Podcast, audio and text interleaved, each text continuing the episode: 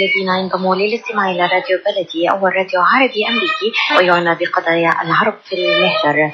برامجنا في راديو بلدي كل يوم جمعه من الثامنه وحتى التاسعه صباحا مع ليلى الحسيني في بث حي ومباشر عبر دبليو ان زي كي راديو 690 اي ام. صباح الخير بلدي صباح الخير لكل مستمعينا. Welcome to Radio Baladi, the first Arab, Middle Eastern, and American simulcast radio show. Radio Baladi is broadcast every Friday morning on WNZK 690 AM from 8 until 9 Eastern Time on Good Morning Michigan with Layla Al Husseini. Our call-in number 248 557 3300. And now, stay tuned for the best radio talk show on Arab and American issues with your host, Layla Al Husseini.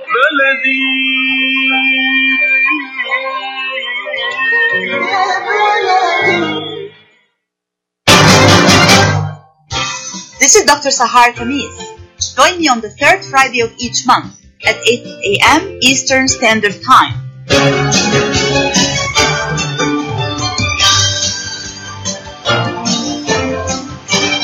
I'll be discussing some of the most important current political, economic, and social issues in my program, The Bridge. On Radio Baladi, on America's Voice of the Arabs, WNZK 690 AM and WTNV 700 AM. Good morning, everyone. Welcome back to Radio Baladi, another great program on Radio Baladi on US Arab Radio. This is your host, Dr. Sahar Khamis. We'll be talking today about a very important and timely topic cybersecurity in the Middle East in the coronavirus era threats, challenges, and potentials. And with me this morning discussing this important topic are two experts on this particular area of study and this particular area of research Mike Sexton and Mohammed Soliman, both from the Middle East Institute. I will introduce them briefly. Mike Sexton is fellow and director of the cyber program at Middle East Institute. His work focuses on the intersections of cyber technology, international security, and governance in the Middle East. He previously served as senior fellow and director, associate director of the Qatar America Institute. He is the managing editor of the journal Charged Affairs, and he holds a master's degree in security studies from Georgetown University. My second guest, Mohammed Soliman, is a non-resident scholar with the Middle East Institute. His work focuses on the intersections of technology, geopolitics, and business in the MENA region, the Middle East and North Africa. He holds a Master's of Science degree in Foreign Service from Georgetown University. Welcome to the show, Mike and Mohammed. Glad to be here. Thank you. Thank you so much for joining us with US Arab Radio for the first time. We really appreciate it. Uh, I want to start. having us. Thank you so much. I want to start by saying that definitely before we talk into uh, or talk about this particular topic, which is very timely, right? You know, really coronavirus affected many aspects of our lives, whether it's, you know, health, education, and definitely cybersecurity as well. I want to start just with you, uh, Mike, please, giving some kind of introduction to our listeners who are not familiar with the Middle East Institute. Just give us an idea about Middle East Institute briefly and also about the cyber program within Middle East Institute in particular, please. hmm Gladly. So, uh, the Middle East Institute is the oldest think tank in the United States that is dedicated solely to understanding the Middle East. Uh, we have we are part think tank, um, part cultural center, and part education center. A fun fact that a lot of people don't realize is that the different colors on our logo represent the different centers. Uh, so they express that we are more than just a think tank, which is what we're most known for. We also have an art center uh, and we teach several foreign languages that are local to the Middle East. Um, the cyber program specifically, we cover cyber and technology issues in the region, including cyber warfare, digital propaganda, and privacy and censorship issues, which is what we'll be focusing on today. Excellent. Thank you so much. This is very helpful. And Mohammed, you are a non-resident scholar with the cyber program at Middle East Institute. Can you briefly tell our listeners how this affiliation started? What is your role within the program and also some of the work or the current projects you're working on? Uh, thank you, Sahar. Um, as a non-resident scholar, um, so basically you work on uh, four tracks. Uh, number one, you write analysis on the emerging threats in uh, tech, cybersecurity in the region. Um, second, you be on a panel or you are moderating a panel yourself, uh, discussing all these trends. Uh, third, we have the cyber study group. So we have a lineup of experts who are discussing uh, of cyber policy and trying to come up with policy recommendations for government executives. Um, and finally, and fourth, um, we are uh, the Middle East Cyber Program is producing, publishing, hopefully, a book uh, called Cyber Peace and Cyber War in the Middle East.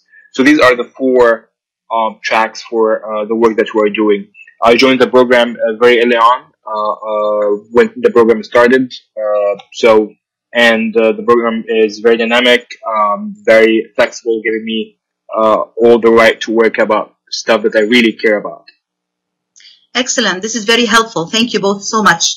Now let's jump into our topic for today, right? When we really have uh, a crisis, a global crisis with the magnitude and importance of a global pandemic like coronavirus, it inevitably has both positive and negative consequences on different aspects of life, whether we're talking about education, journalism, health, science, you name it, and definitely cybersecurity.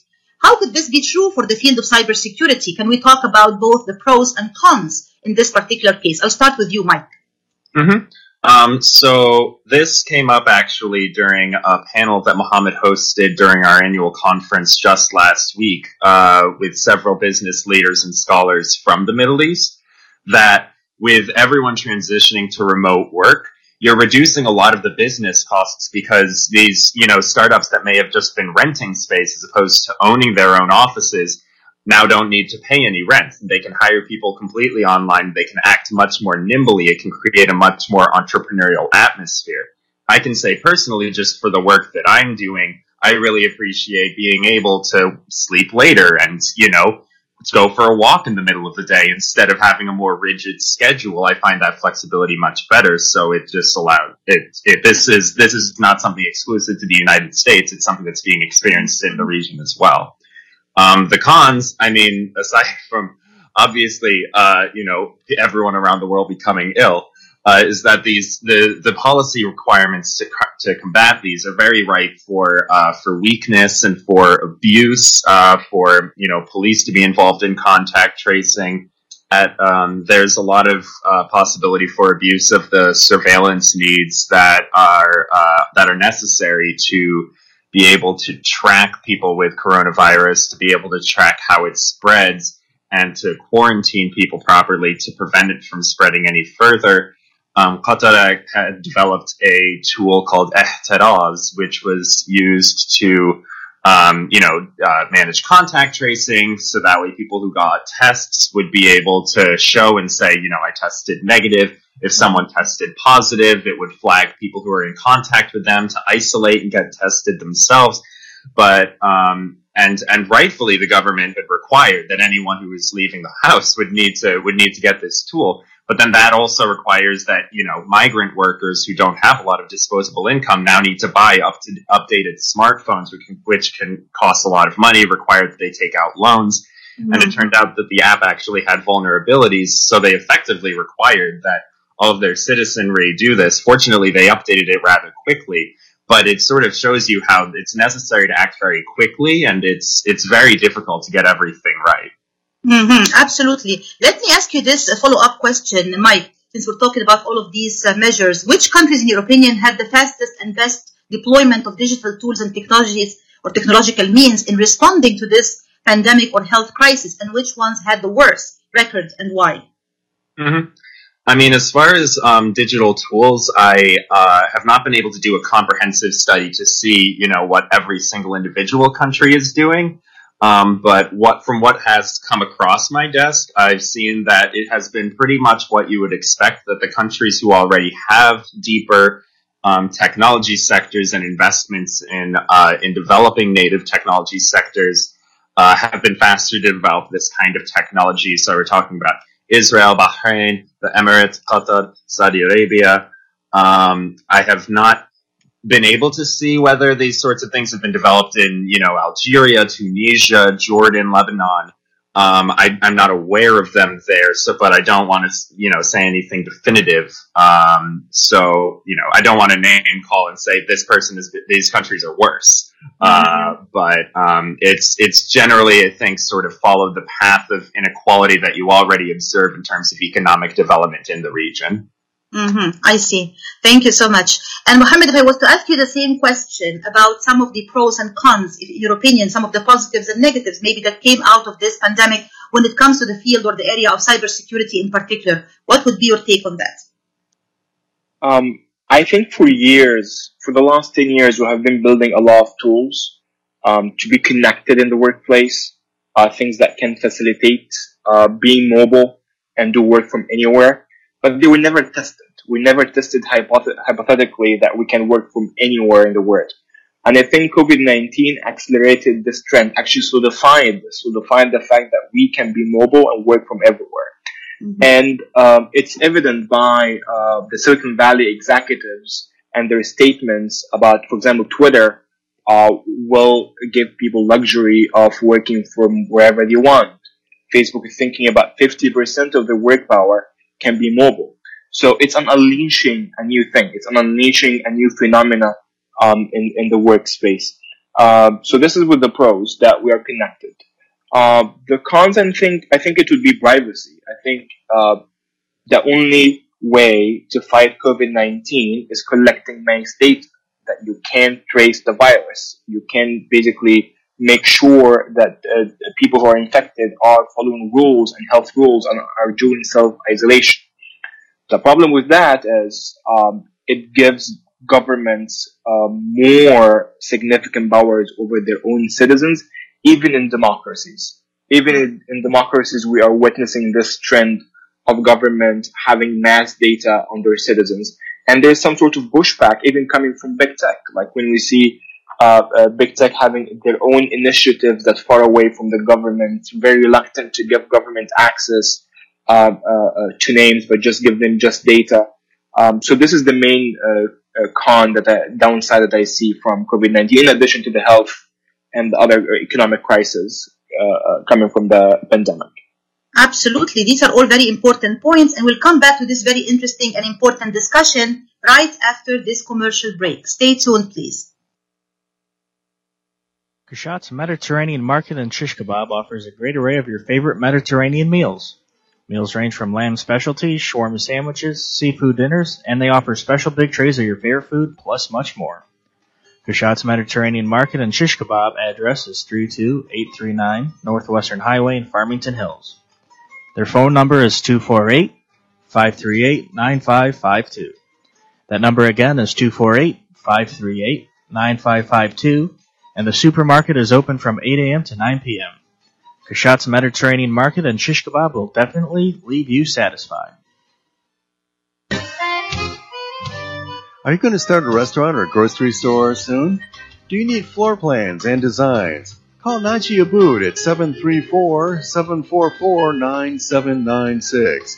Do you want to buy kitchen and restaurant equipment at discount prices? Call Naji Abood now, 734-744-9796. New Concept Products and Design, the trademark of kitchen equipment. 5% discount on all purchases of $75,000 or more. New Concept Products and Design, new location, 31 185 Schoolcraft in Livonia. Learn more at www.newconceptproducts.com. Call Naji Abood 734-744-9796.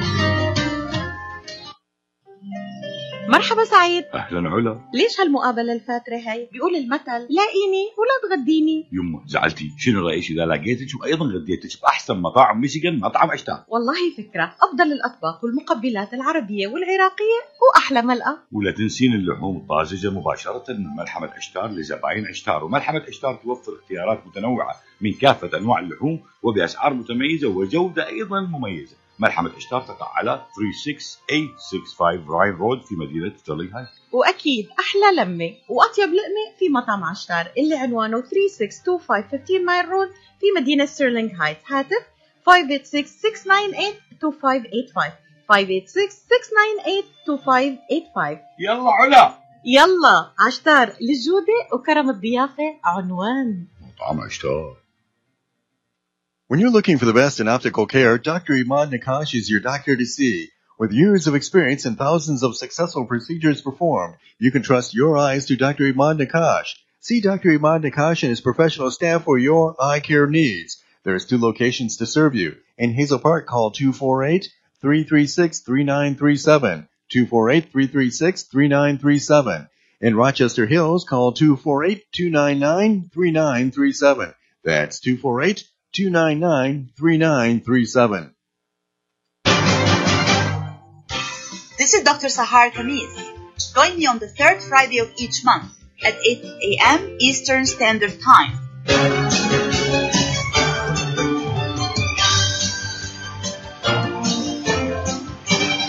I'll be discussing some of the most important current political, economic, and social issues in my program, The Bridge.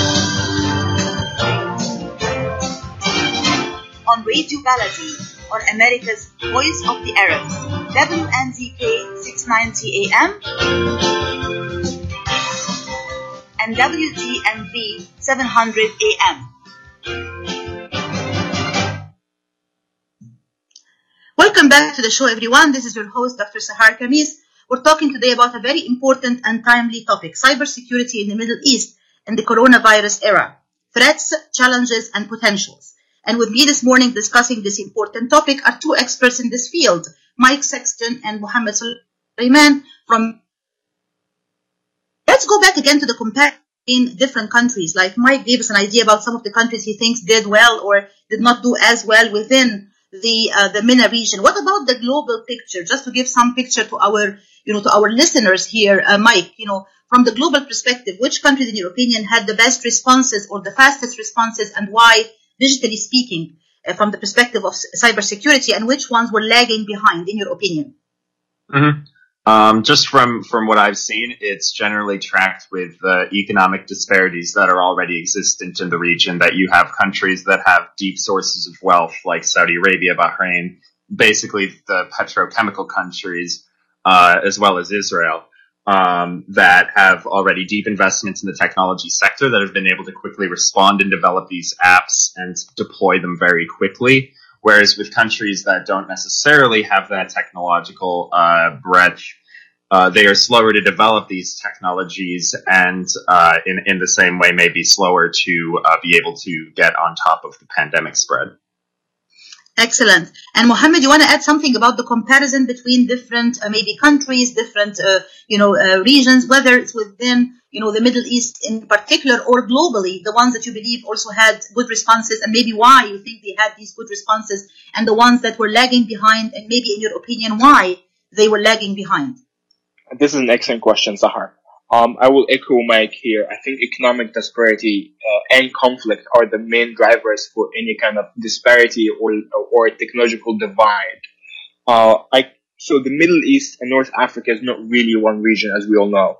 Um, experts sometimes think that it's just one one single basket.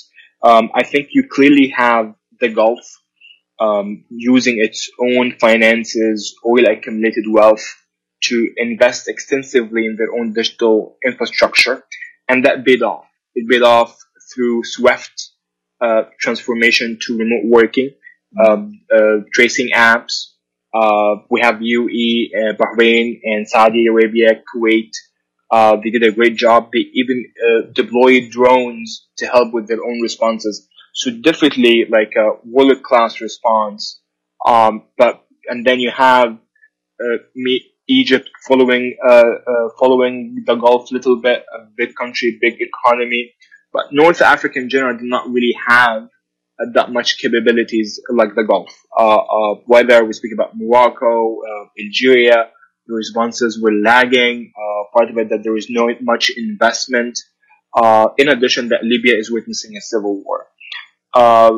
and then the third re- the third region is Levant. I think Levant, because of a lot of financial problems, a lot of economic downturns. Lebanon um, has a big economic problem right now. Uh, the civil war um, in Syria, I think, um, and also in addition to the West Bank and Gaza, um, I think that that specific set of countries have lagged even behind uh, North Africa. So this is how I rank the region in terms of response: the Gulf, Egypt, North Africa, and then uh, Levant.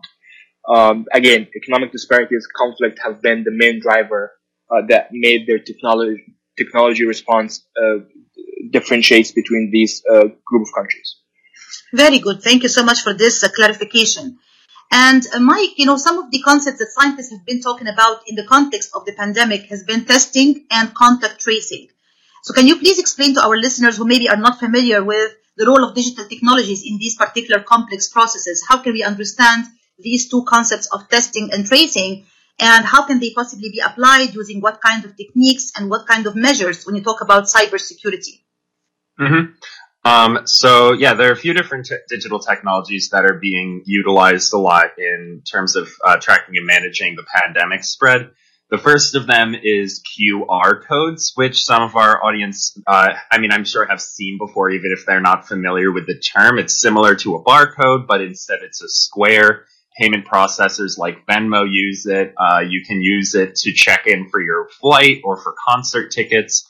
Um, and a lot of different ministries of health uh, have been essentially developing these QR codes so that way when someone walks into a building, a government employee with the Ministry of Health can check and scan and see, okay, you know, this is this person's ID. I know that this is the right person. I can see they took a test at this date. I can see they tested negative.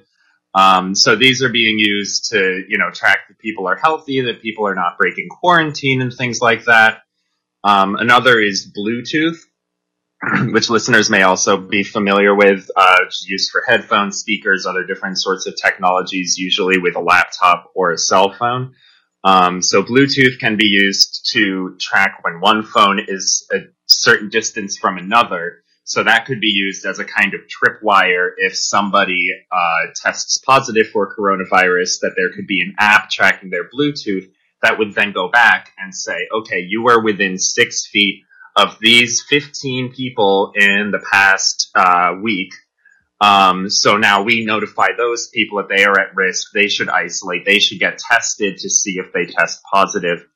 Um, and the last and most obvious is GPS, which has been around for decades now, uh, global positioning systems, uh, which is, in my opinion, really the most dangerous technology there is here because if like the requirement for the GPS to be valuable, it's not just enough to say, you know, that I entered this grocery store. You can't just shut down the entire grocery store. You need to know when I was there, who was there at the same time, which effectively means tracking where everyone is at all times um, for this to be an effective technology to to, to use um, which can be extremely dangerous if it's you know if this is if this data is to be accessed by the police by counterterrorism services it's very ripe for abuse if it's not being strictly held by public health professionals and kept uh, extremely private and being um, dis- the data being destroyed as it's no longer useful Absolutely, it does have its downsides. I even heard about bracelets now. That thinking about putting bracelets on people and tracing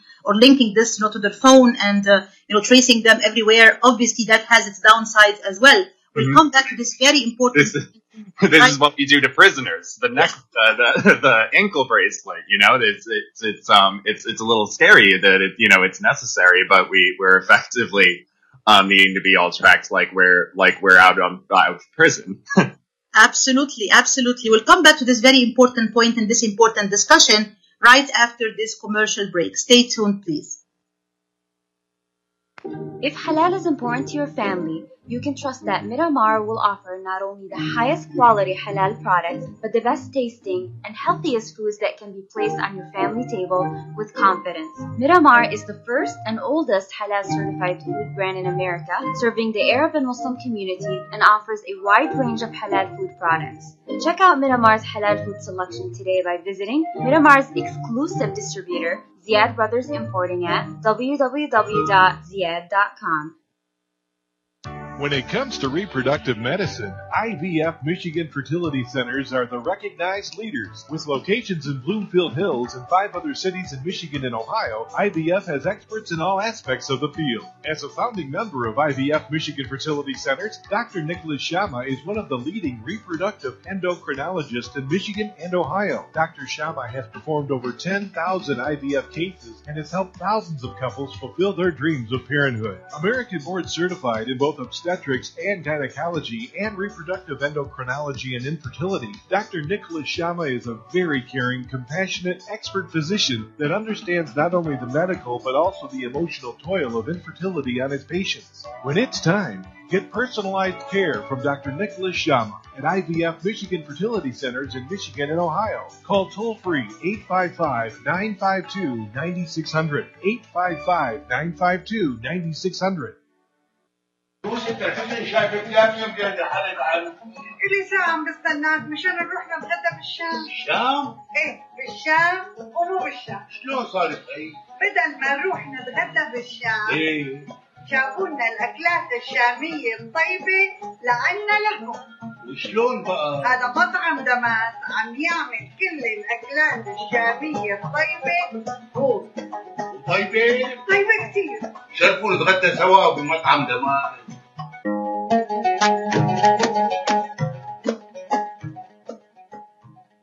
الأكل الشامي الأصيل فقط بدمس كوزين. زوروهم على 28841 أورشد ليك بفارمينغتون هيلز ولطلباتكم اتصلوا على 248-987-4609 That's 248-987-4609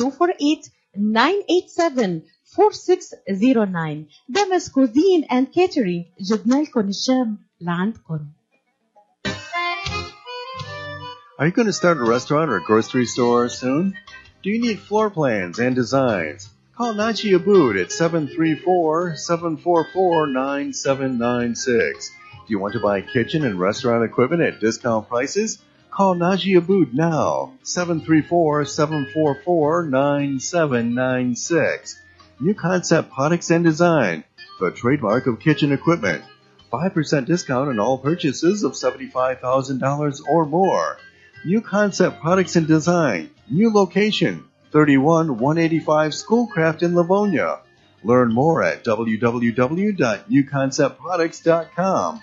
Call Naji Abood, 734-744-9796.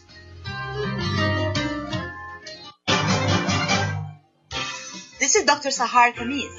Join me on the third Friday of each month at 8 a.m. Eastern Standard Time.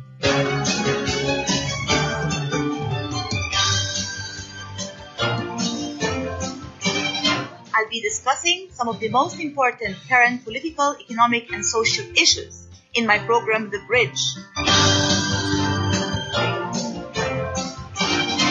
On Radio Baladi, on America's Voice of the Arabs, WNZK 690 AM and WDMV 700 AM.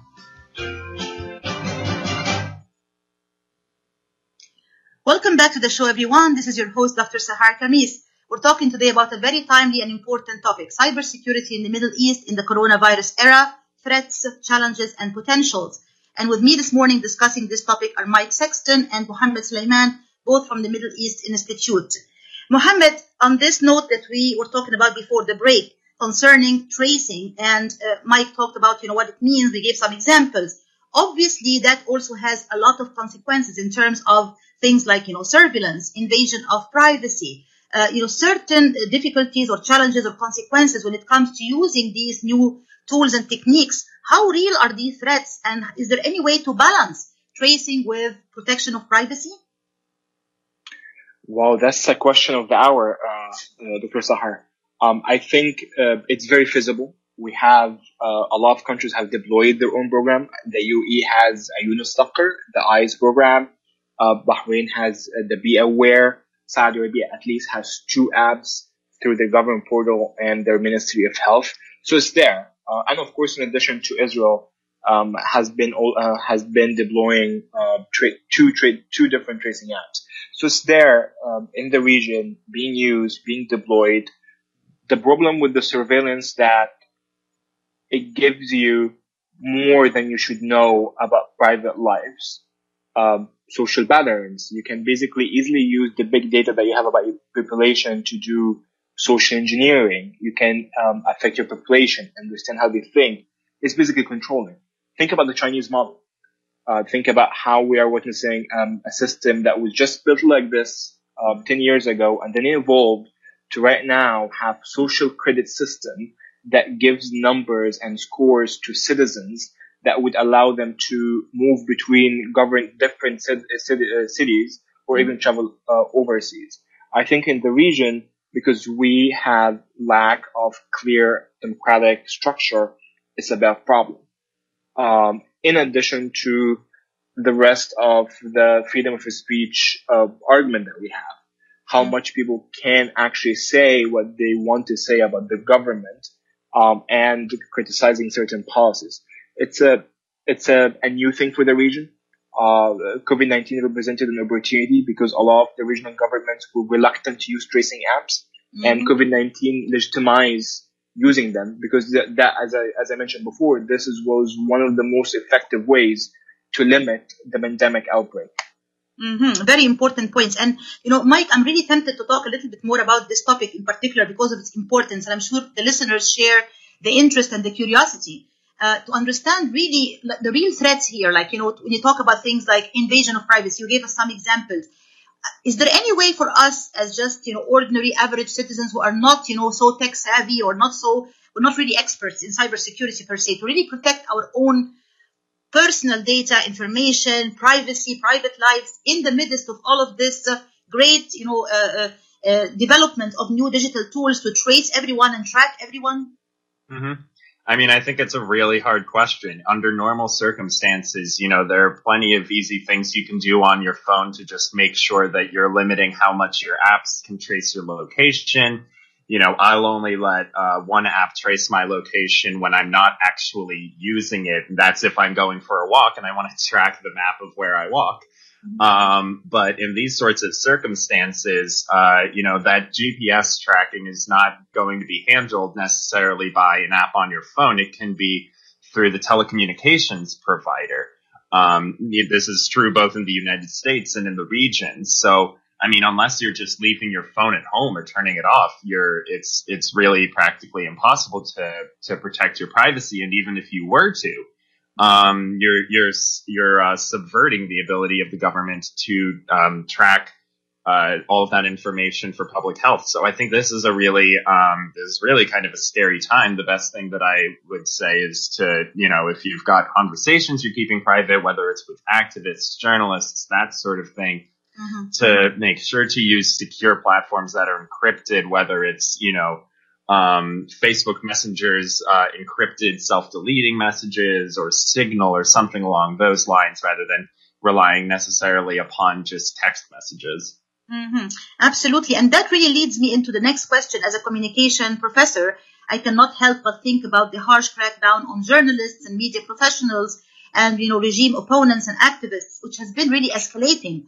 in the context of the COVID-19 pandemic. We have seen a lot of that happening globally, but especially in the MENA region, the Middle East and North Africa. Uh, so, Mike, would it be fair to say that technology played a double-edged sword in this process? Did it really enable some of this opposition to regimes, but at the same time enabled the regimes to crack down even strongly and in a more harsh way on these opponents and journalists and professionals? What do you think? Yes, absolutely, absolutely. I mean, it's it's just like you've um, like you've always said before that there's uh, there's possibilities for for these countries to become more democratic. It's much easier for people to speak out. All you need to do is get a Twitter account. But at the same time, all it takes for you to get in trouble is to have a Twitter account. you can you, you don't just need to be a journalist publishing in a newspaper. Everyone has the platform, so everyone can speak their mind. But all, now everyone is at much greater risk to be um, to be punished. There was a very excellent article put out uh, recently by the Moshe Dayan Center uh, at Tel Aviv University about what this looks like specifically in Turkey, where there have been uh, very harsh crackdowns on journalists for a long time, and that this uh, this article is specifically focused on what the crackdowns looked like under coronavirus, where the government um, and pro-regime uh, news outlets essentially control the entire narrative and keep the public from realizing just how bad the pandemic is getting. And if uh, any news outlets or individuals on social media try to speak up about it, they end up uh, they end up in trouble with the police.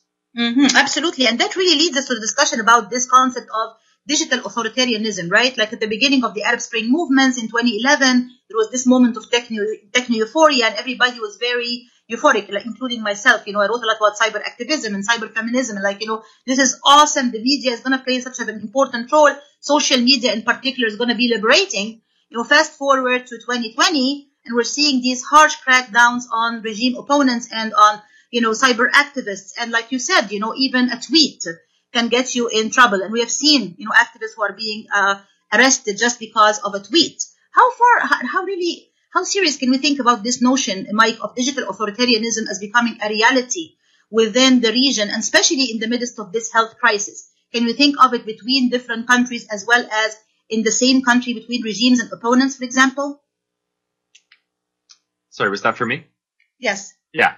Um, so, I mean, I absolutely think it's a possibility. Um, there, public health professionals were saying at the very public health and privacy professionals were saying at the start of this when we realized we were going to need a lot of surveillance technology to be able to control the spread of this virus that it's very important uh, how this data is held because it is so sensitive.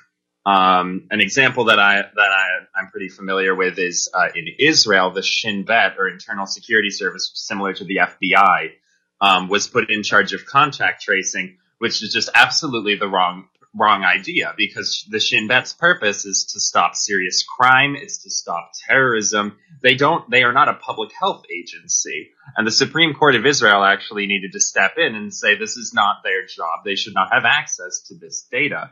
Um, so you really do see this possibility for countries, um, even ones that are uh, that are partially democratic like Israel, to become even more authoritarian, to become even more like police states, to create even more possibility for tracking citizens, um, not not necessarily even just for their health, but for any reason that's whatsoever. hmm Very interesting and very scary at the same time. I'll ask the same question to Mohammed, the digital authoritarianism part, and I'm sure uh, as someone who's also writing on the region, the Middle East region in particular, how do you really see this whole process of digital authoritarianism, its impact growing and, and you know really becoming more and more threatening in the midst or in the context of this health crisis? And if you can just comment about that, whether between different countries or also within the same country between regimes and opponents, for example. Um, so the best part about globalization is the worst part about globalization. Mhm. Meaning, if democracy is in retreat globally, that will empower undemocratic notion around the region. Um, so today we have huge retreat. Think about all the images coming here from Washington D.C. Um, in the White House. Uh, think about China. Think about Hong Kong. Think about what's happening in Italy or Hungary.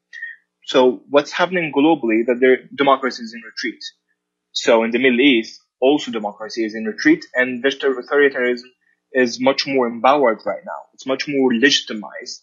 Uh, Mhm. there is already a case that's being made that the more authoritarian uh, you can, the more you can control COVID-19. And that has been the message. That has been uh, uh, all the statements coming from different governments. We need to be much more authoritarian, much more powerful, much more assertive like China. The, the Chinese model became the standard. Only because China was authoritarian, they controlled the COVID-19. So that's the narrative. Mhm. Um, so it's empowering all these uh, trends that you have been seeing, whether crackdown on journalism, uh, making sure that uh, no clear numbers about COVID-19 infections are being circulated, or uh, restricting access, access, making sure your population is not really aware of the uh, realities on the ground. So this is that will increase. Um, that will uh, be the new norm in the region, unfortunately. And I don't really see a situation or a scenario where we can get back to pre-COVID-19 uh, uh, Middle East. Mhm. And obviously, it is really showing both not, not just democratizing potential, but the repressive potential of social media and new media. And I totally agree with both of you that we're seeing more of the repressive authoritarian side being legitimized under the uh, you know claim of you know protecting public health. We'll come back to this very important discussion right after this commercial break. Stay tuned, please.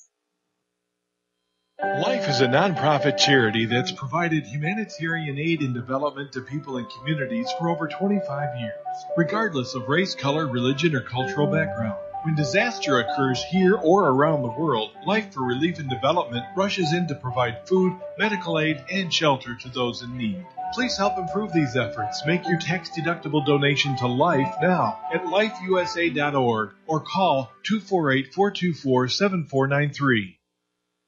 مركز طب رهاب للعلاج الطبيعي بإدارة الدكتور محمد فرح حسين أخصائي العلاج الطبيعي بخبرة أكثر من 13 عاما. طب رهاب يقدم خدمات العلاج الطبيعي وإعادة التأهيل ويضم مجموعة من أفضل أخصائي التشخيص الدقيق للحالات المرضية مع خبرة عالية في التعامل مع الحالات التي تحتاج إلى إعادة تأهيل وعناية خاصة بعد العمليات والكسور. طب رهاب يستقبل كل الحالات المتعلقة بألم الرقبة، الظهر، المفاصل، شلل الوجه، الانزلاق الغضروفي، عرق النساء، الحوادث وإصابات العمل، خبيرات في المعالجة النسائية لخصوصيات تامة للسيدات. عندما تبحثون عن رعاية متميزة اقصدوا توب ريهاب للعلاج الطبيعي. الواقع على 15001 ميشيغان افنيو وللمواعيد اتصلوا على 313 846 0555 That's 846 0555 مرحبا سعيد. أهلا علا. ليش هالمقابلة الفاترة هي؟ بيقول المثل لاقيني ولا تغديني. يما زعلتي. شنو رأيك إذا لقيتك وأيضا غديتك بأحسن مطاعم ميشيغان مطعم اشتار والله فكرة. أفضل الأطباق والمقبلات العربية والعراقية وأحلى ملقا ولا تنسين اللحوم الطازجة مباشرة من ملحمة أشتار لزباين أشتار. وملحمة أشتار توفر اختيارات متنوعة من كافة أنواع اللحوم وبأسعار متميزة وجودة أيضا مميزة. ملحمة اشتار تقع على 36865 راين رود في مدينة ستيرلينغ هايت وأكيد أحلى لمة وأطيب لقمة في مطعم عشتار اللي عنوانه 3625 15 مايل رود في مدينة ستيرلينغ هايت. هاتف 586-698-2585 586-698-2585 يلا علا. يلا عشتار للجودة وكرم الضيافة عنوان. مطعم اشتار If halal is important to your family, you can trust that mm-hmm. Miramar will offer not only the mm-hmm. highest quality halal products, but the best tasting and healthiest foods that can be placed on your family table with confidence. Miramar is the first and oldest halal certified food brand in America, serving the Arab and Muslim community and offers a wide range of halal food products. Check out Miramar's halal food selection today by visiting Miramar's exclusive distributor, Ziyad Brothers Importing at www.ziyad.com. When it comes to reproductive medicine, IVF Michigan Fertility Centers are the recognized leaders. With locations in Bloomfield Hills and five other cities in Michigan and Ohio, IVF has experts in all aspects of the field. As a founding member of IVF Michigan Fertility Centers, Dr. Nicholas Shamma is one of the leading reproductive endocrinologists in Michigan and Ohio. Dr. Shamma has performed over 10,000 IVF cases and has helped thousands of couples fulfill their dreams of parenthood. American board certified in both obstetrics and gynecology and reproductive endocrinology and infertility, Dr. Nicholas Shamma is a very caring, compassionate, expert physician that understands not only the medical but also the emotional toil of infertility on his patients. When it's time, get personalized care from Dr. Nicholas Shamma at IVF Michigan Fertility Centers in Michigan and Ohio. Call toll free 855 952 9600. 855 952 9600. Kashat's Mediterranean Market and Shish Kebab offers a great array of your favorite Mediterranean meals. Meals range from lamb specialties, shawarma sandwiches, seafood dinners, and they offer special big trays of your favorite food, plus much more. Kashat's Mediterranean Market and Shish Kebab address is 32839 Northwestern Highway in Farmington Hills. Their phone number is 248 538 9552.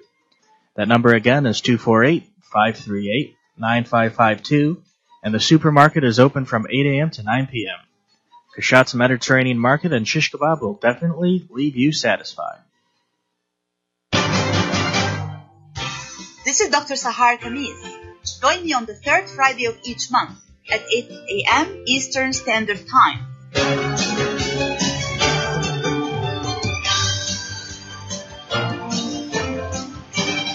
I'll be discussing some of the most important current political, economic, and social issues in my program, The Bridge. On Radio Baladi, on America's Voice of the Arabs, WNZK 690 AM and WTMV 700 AM. Welcome back to the show, everyone. This is your host, Dr. Sahar Khamis. We're talking today about a very important and timely topic cybersecurity in the Middle East in the coronavirus era, threats, challenges, and potentials. Mohammed, since we're talking about this important point, I also want to touch upon something which is very important, which is the digital divide. There has been an assumption, obviously, at the beginning of the Arab Spring and, you know, with all the techno euphoria I mentioned before, that, you know, the, the internet is going to be a very much egalitarian space. Everybody is going to have a voice on the internet it's going to give everyone the same degree of freedom, the same degree of authority and voice. Obviously, that has not been the case. And one of the, the problems has been digital divide. If you can talk to our listeners a little bit about this phenomena, what it really means, how it's manifesting itself, especially in the midst of this crisis in the MENA region, whether between different countries or even within the same country. That's a very excellent question. I think um, for the last 10 years specifically, we are witness we have been witnessing a phenomena that uh, experts call the balkanization of cyberspace meaning we are not really in 1990s early 2000s internet uh, where someone in Beijing can access the same website in Berlin. That's not the case anymore. We have not even a Chinese internet and a US internet. Actually we about we have almost three uh, internets with the European GDPR uh, and the European emphasis on uh, uh, uh, on data privacy. So that encouraged a lot of countries to work on their own um, cyberspace, to own their cyberspace, to have some sort of Chinese model internet. So, for example, in the, Iran, after the Green Movement in the 2000, in the 2009-2010, they actually worked on something called Halal Internet, an internet that has um, um, an Iranian version of whatever exists on the original network.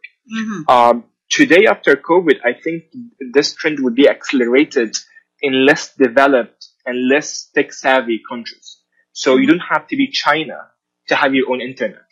China had it, Russia had it. Right now, we see a lot of African uh, and even Middle Eastern countries who are having similar uh, kind of tendency and have been trying to uh, uh, limit and own their internet. So they are looking into something called the sovereign internet. So in Egypt, there is more than 500 websites blocked. More than uh, there is a, uh, media law that put anyone under um, can be punished for circulating certain certain news that do not really align with the government. It's not only in Egypt. We see this even in the new cyber law in Qatar. We see the same uh, law uh, used in Saudi Arabia. It's everywhere.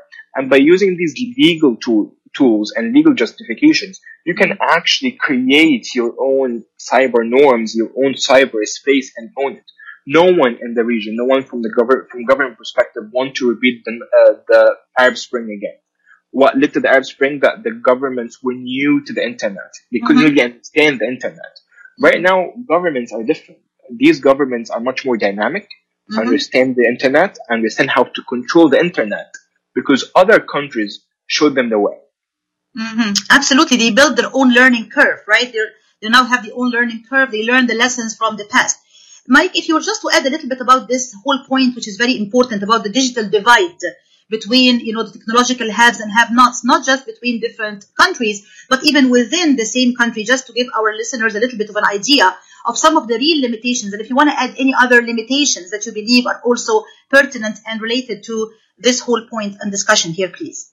hmm Yeah, I mean, I think it's it's within countries. It's a problem within countries when it comes to the need of contact tracing apps. It assumes that people have smartphones that have GPS that can install apps that can that are reliable. You know, that's not necessarily a, something that everyone has. It's something we take as a given a lot in the, in the United States, and you know, um, you know, maybe Qatari and Bahraini nationals take as a given for themselves, but migrant workers don't have it. This can impose new costs on them. And it's really harmful when you actually essentially punish poor people for being poor by making them have to pay more and dig themselves further into debt. Um, so it's, uh, you know, we're, we're seeing this, this, uh, this pandemic is essentially shining a bright light on the economic disparities that already exist in these countries um, you know, in the region, the United States, as well as just between different countries that have the technological capacity to develop these apps quickly and the ones that don't.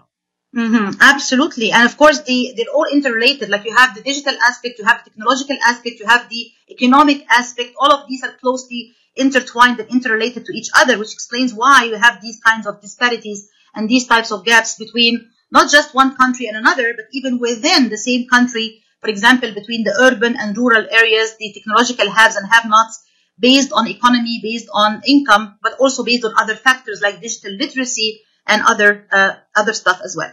So as we move towards the last part of our discussion, there is a very big question I would like to ask both of you.